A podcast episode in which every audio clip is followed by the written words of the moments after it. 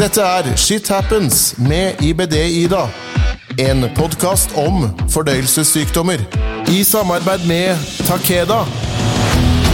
IBD har i mange år blitt sett på som en sykdom som rammer ungdom og tidlig voksne. En sykdom som dukker opp mellom 15 til 30-årene. De siste årene har det blitt sett på som en sannhet med modifikasjoner. Det finnes spedbarn som får diagnosene, og det finnes eldre. Og Derfor så blei tema for årets IBD-dag både internasjonalt og nasjonalt IBD har ingen alder. I dag har jeg med meg overlege på gastromedisinsk avdeling, Marte Li Høvik. Velkommen til deg. Tusen takk. Først, kan ikke du fortelle, eh, hvem er du? Jo, jeg er jo som du sa, jeg er overlege på gastromedisinsk avdeling eh, på Ullevål sykehus. Mm. Oslo universitetssykehus. Og det betyr da at jeg er spesialist i fordøyelsessykdommer. Og så har jeg IBD som liksom hovedfelt og hovedinteressefelt. Både i mitt kliniske arbeid og også som forsker. Og jeg er da forsker halvparten av tiden. eh, Og leder forskningsgruppen på IBD hos oss. I dag skal vi prate om eldre som får IBD. Eh, aller først, hva synes du om årets tema for IBD-dagen? Jo, jeg tenker at det er et veldig interessant tema. Fordi det er jo nettopp det som er så spennende med IBD. At det er en eh, sykdom som kan ramme i alle aldre. Og vi får jo mer og mer kunnskap om dette med at det faktisk er eh, forskjelligheter i sykdommen i forskjellige aldre. Kanskje er det til og med forskjellige sykdommer.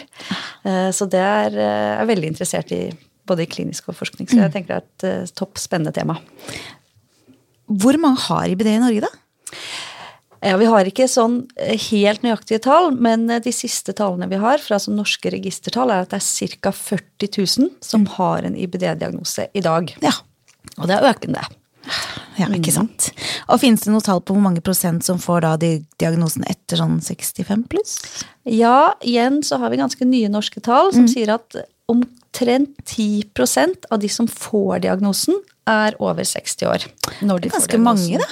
Sånn, ja, ja. det er ganske mange, og vi tror også at det er økende.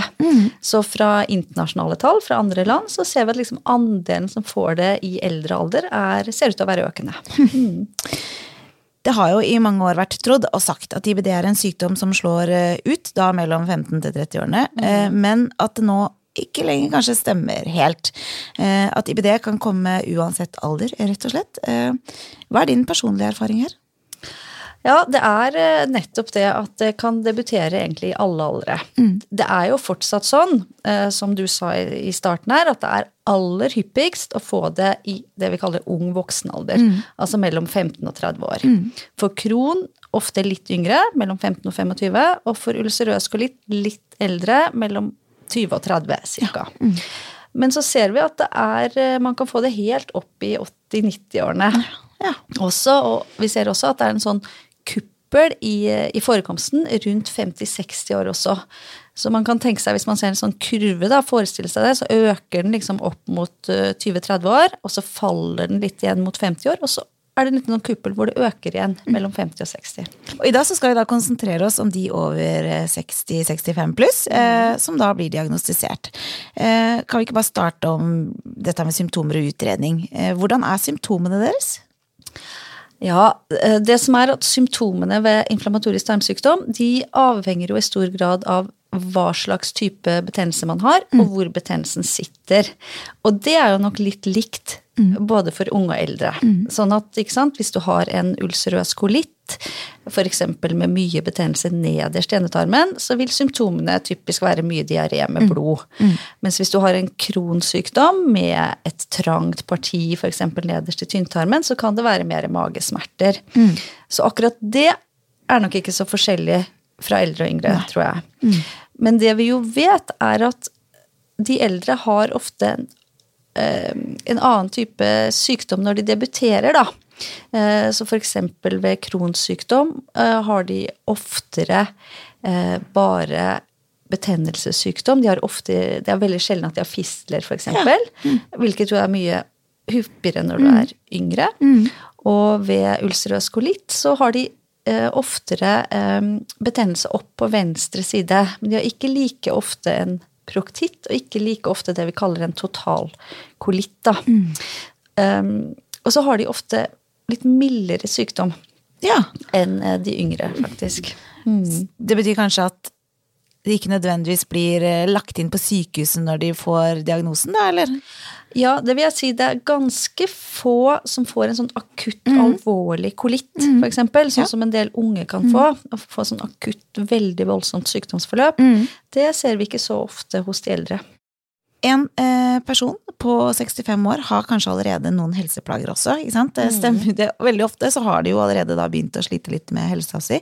Eh, tror du at det kan bidra til at diagnostisering kan ta litt lengre tid og være litt vanskeligere? Jeg tenker spesielt da kanskje på den tida hos fastlegen da, før den kommer til dere.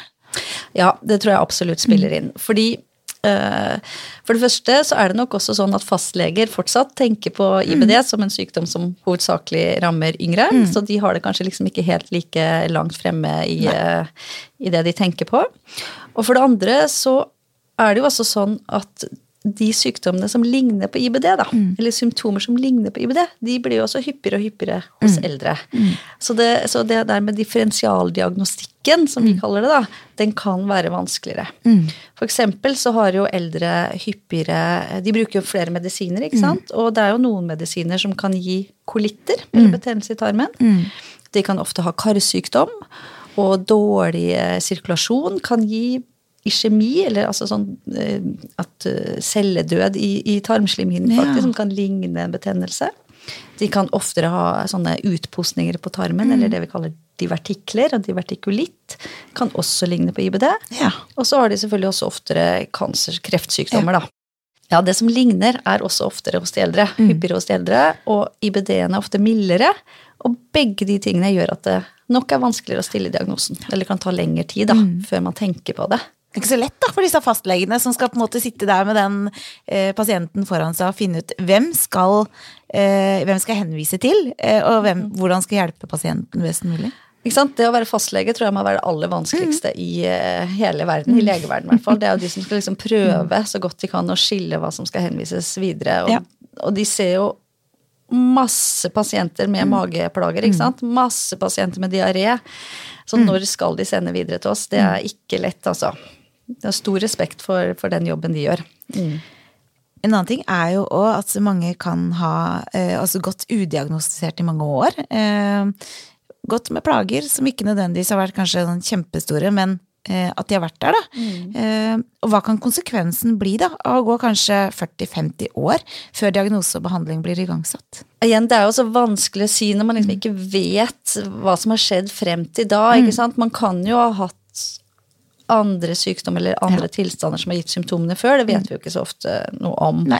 Men sånn generelt så vet vi at dess lenger man har hatt sykdommen, og kanskje særlig kron, da, dess større er risikoen for at du får en varig skade på tarmen. da. At du f.eks.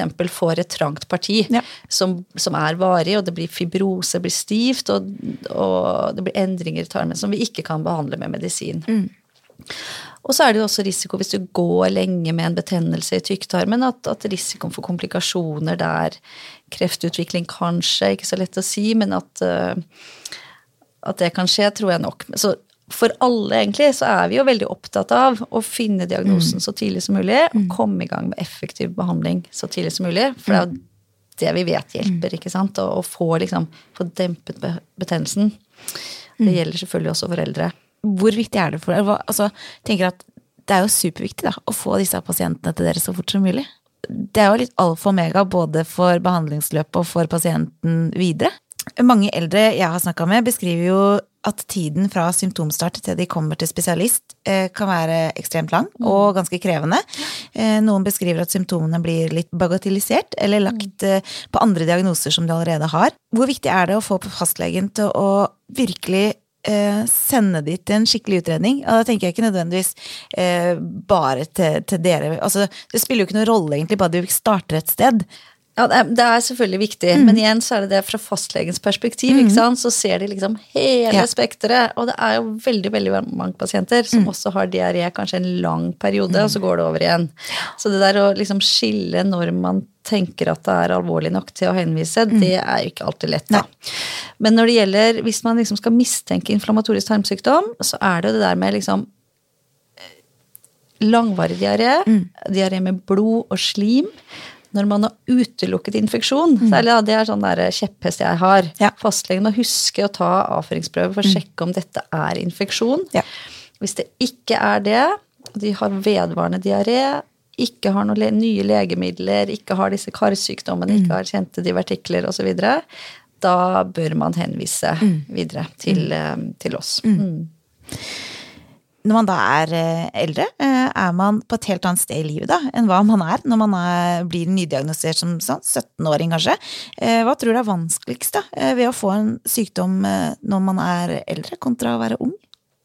På den ene siden så kan man tenke at eldre, eller vi voksne, har vært gjennom mye mer i livet, og det kanskje er lettere å takle det der å faktisk få en diagnose og få en kronisk diagnose. Eh, sånn rent å forholde seg til Ja. det. Samtidig så avhenger det jo veldig av øh, hvor altså Eldre er jo også så utrolig mye i dag. Og, og det vi er liksom mer og mer opptatt av i medisinen, er jo liksom ikke bare alder. ikke sant? Vi er veldig opptatt av det her med um, det vi kaller frailty, eller sårbarhet. Hvor vi kan tenke at en som er uh, 65, kan jo være like sprek og like sånn medisinsk øh, sprek da, som en som er 55. Og en som er 80, kan være like sprek som en som er 60, Ja. nesten, da, og Ja. motsatt. Ja. Så det avhenger også veldig mye av det. Men, men for de pasientene som er veldig sårbare eller har høy grad av det vi kaller frailty, så vil jo det å få en tilleggsdiagnose oppå alt det andre jo kan, kan bli veldig eh, komplisert. Også bare sånne ting hvis du, hvis du er litt fysisk ikke så mobil, da, hvis du har diaré hele tiden og må på do hele tiden, og det er klart at det gir en ekstra byrde for dem, det er det jo ikke noe tvil om. Og særlig for de aller eldste så ser vi at det kan være fryktelig vanskelig. Ja, og jeg tenker sånn, i hvert fall da, hvis du ikke klarer å stelle deg selv eh, Ja, i tillegg. Hvor, for en vet jo at det er eh, Det er ikke bestandig lett å få den hjelpa man behøver. Eh, å gå med diaré eh, i en bleie, for eksempel, det er ikke noe som en bør anbefale. Nei, kjempetrasig, ja. ikke sant? Altså, så det aspektet er eh, ja, i hvert fall like vanskelig, tenker jeg, for den aldersgruppen. da. Jeg lurer jo veldig på en ting. Eh, behandlingen dere gir, er den lik uansett alder, eller er det noe dere må tilrettelegge, og hvordan gjør dere det i så fall? Ja, det er jo sånn at behandlingen for IBD er jo ikke lik for noen, på en måte. Nei. Det er jo retningslinjer som vi forholder oss til, men sykdommene er jo så heterogene og forskjellige for hver person at vi i stor grad må liksom persontilpasse. Ja. Og for de eldre versus de yngre så er det jo mm, mange forskjellige ting vi må se på. Og én viktig ting er jo det der med å se liksom det lange perspektivet. Og for unge pasienter som skal ha sykdommen i mange, mange år, så er jo det spesielt viktig. At vi ser at her skal vi gi en behandling som de tåler lenge, og som skal hindre komplikasjoner. Er du 80 år og får diagnosen, så er det der med å hindre de, eh, komplikasjoner på sikt kanskje ikke så viktig, da. Så det er én ting. Det er liksom perspektivet, tidsperspektivet som vi tar hensyn til. Og så har jo eldre ofte andre medisiner som de bruker, så de har mye sånn polyfarmasi, som vi sier. Så vi må se på er det noen av de medikamentene de har, og de vi har lyst til å gi, som kan påvirke hverandre negativt.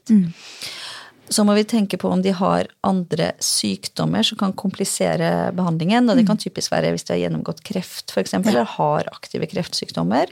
Eller hvis de har hjerte-karsykdommer eller nyresykdommer. Da må vi også være forsiktige med noen typer medikamenter.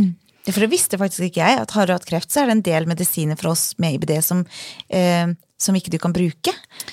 Ja, og det er jo fordi at de påvirker immunsystemet på et eller annet Ja. eh, nivå. Mm. Det ser nok ikke ut som det gir noe sånn stort økt risiko for kreft, men igjen, vi har ikke så mye langtidsdata som vi kan bruke, så vi er jo heller forsiktige Ja, ja. enn for aktive, da. Eh, Men når det er sagt, så ser vi jo i eh, Når vi ser på en måte på store data hva vi faktisk gir, da, hva norske leger gir til IBD-pasienter, så ser det ut som at vi er veldig restriktive med å gi de sterkeste medisinene til de eldste pasientene. Og kanskje mer restriktive enn vi egentlig bør være. Mm. Så vi gir f.eks. lite av de biologiske medikamentene, mens vi gir mer binyrbarkhormoner. Og vi vet jo egentlig at disse binyrbarkhormonene de gir jo ganske mye bivirkninger. Ja. Og det er jo ikke noe bedre for de eldre enn for de yngre. Så Jeg tror alle som har brukt det en gang, vet hva du snakker om her. ja, ikke sant. Ja. Ikke sant? Og så er det lettere for oss å velge det, kanskje, enn å velge et annet preparat som kanskje kunne ha vært mye bedre for den eldre pasienten også. Men er det like god effekt da av behandling hos de eldre som hos de yngre? Nei, igjen da, vi har jo Det som er utfordringen med eh, eldre og det å si noe om legemidlene, er jo at de aller fleste legemiddelstudier de har jo ikke med eldre. Nei, ikke sant? Er du over 65 år, så Ja, er det ikke med i legemiddelstudiet. Så så dataene vi har på det, ja, er eh, jo dårlige. Så det vi må på en måte gå ut fra, er liksom det vi kaller real life data. Mm. Eller data fra Vi har sett på hva vi faktisk gjør, og hvordan det går. Mm. Og det det ser ut som da, er at eh, nok en del eh, medisiner virker, ser ut til å virke litt dårligere sånn på gruppenivå hos Mm. de eldste. Ja. Men det er jo ikke sånn at det ikke virker. Nei, nei. Ikke sant? Mm. Så, mm.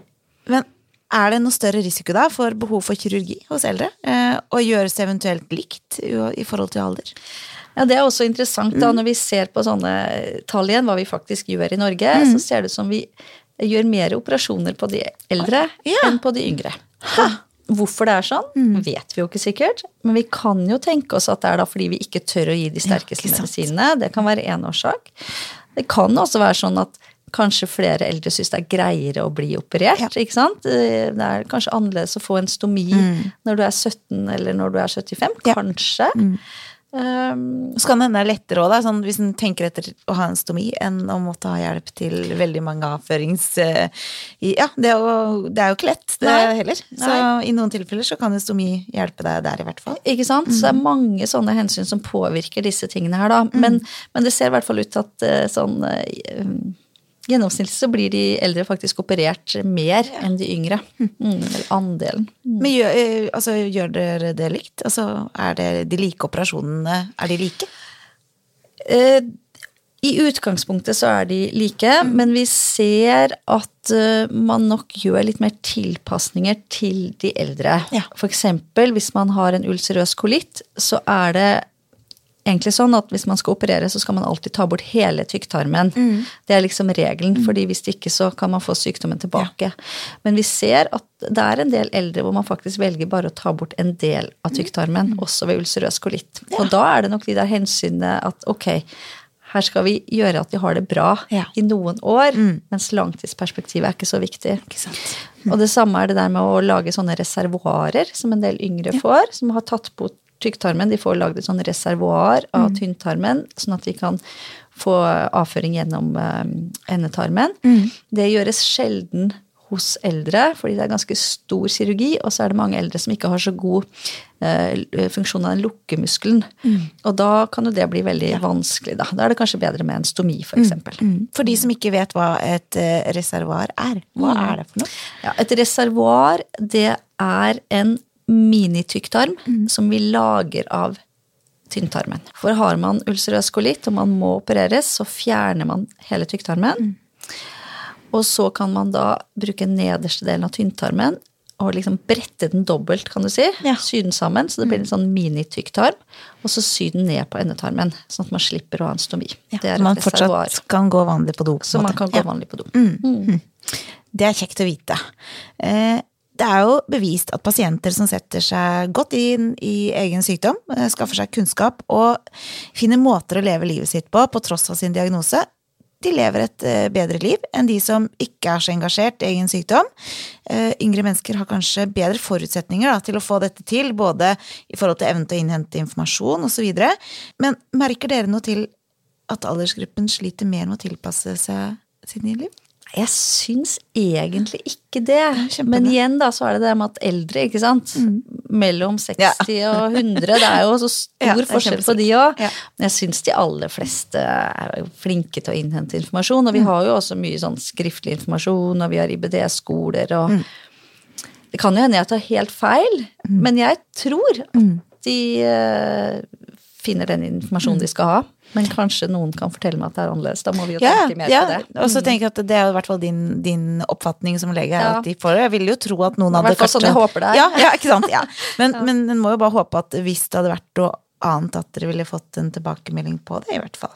At det kan være litt vanskelig. Ja. Og så tenker jeg at man har jo gjerne pårørende som også kan være med og bidra. Ja. Fordelen med å være eldre er jo kanskje at de har litt mer tid enn hvis man er midt i Ja. en veldig travel tid med skole og Litt mer tid og kanskje litt mer ro. Ja. Og det er jo noe det der med å gå på nett og lese Ja. alt man finner, og det er ikke alltid en fordel heller. overhodet ikke. Det er helt sant.